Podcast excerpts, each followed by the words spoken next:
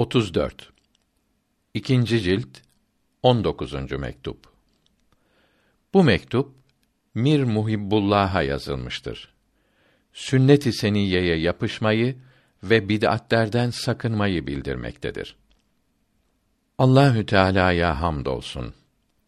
Onun peygamberlerine salat ve size dualar ederim. Kıymetli kardeşim Seyyid Mir Muhibbullah Buradaki fakirlerin halleri, gidişleri çok iyidir. Bunun için Allahü Teala'ya sonsuz hamd etmek lazımdır. Sizin de selametiniz için ve halinizin değişmemesi için ve doğru yolda ilerlemeniz için Allahü Teala'ya dua ederim. Bugünlerde ne halde bulunduğunuzu bildirmediniz. Mesafenin uzaklığı haberleşmeyi güçleştiriyor. Nasihat vermek dinimizin birinci vazifesidir ve peygamberlerin en üstününe uymaktır. Ona ve hepsine üstün dualar ve selamlar olsun. Ona uymak için onun sünnetlerini yani bütün emr ve yasaklarını yerine getirmek ve onun beğenmediği bid'atlerden sakınmak lazımdır. O bid'atler gecenin karanlığını yok eden, tan yerinin ağarması gibi parlak görünseler de hepsinden kaçmak lazımdır.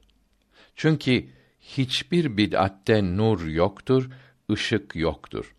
Hiçbir hastaya şifa yoktur. Hiçbir hastaya ilaç olamazlar. Çünkü her bid'at ya bir sünneti yok eder yahut sünnetle ilgisi olmaz. Fakat sünnetle ilgisi olmayan bid'atler sünnetten aşırı artık oldukları için sünneti yok etmiş olmaktadırlar. Çünkü bir emri emrolunandan ziyade yapmak bu emri değiştirmek olur.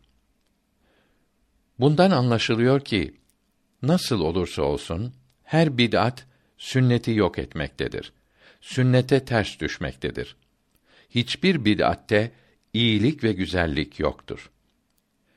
Keşke bilseydim ki kamil olan bu dinde ve Allahü Teala'nın razı olduğu İslamiyette nimetler tamam olduktan sonra ortaya çıkan bid'atlerden bazılarına nasıl olmuş da güzel demişler.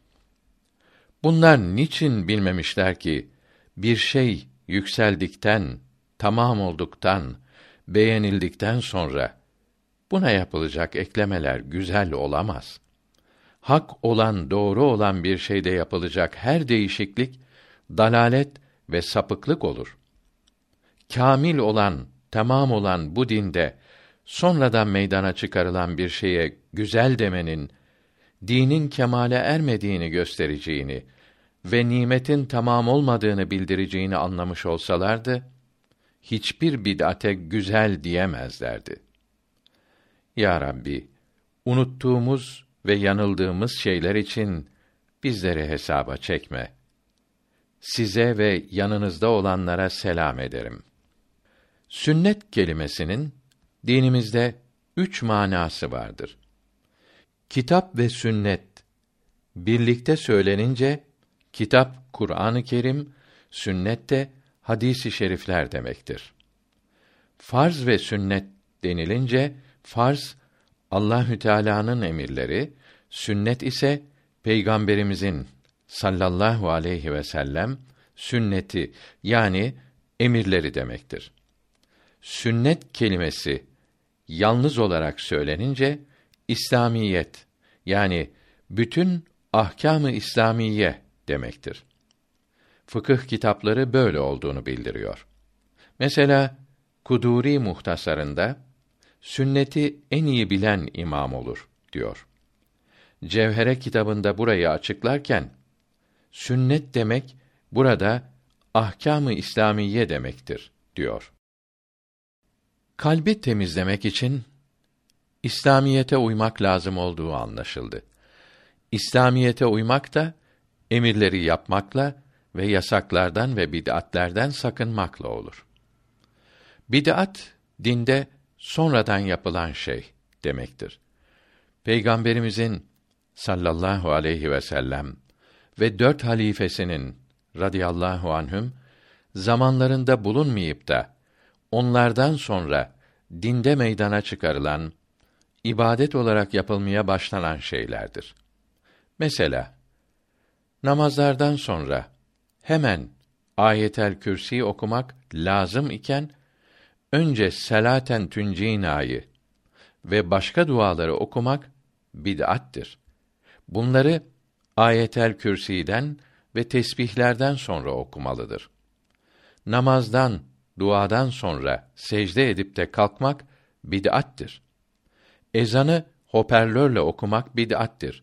Hoparlör ses çıkaran bir alettir. Lügat kitaplarında mesela Müncit'te diyor ki ses çıkaran aletlere mizmar denir.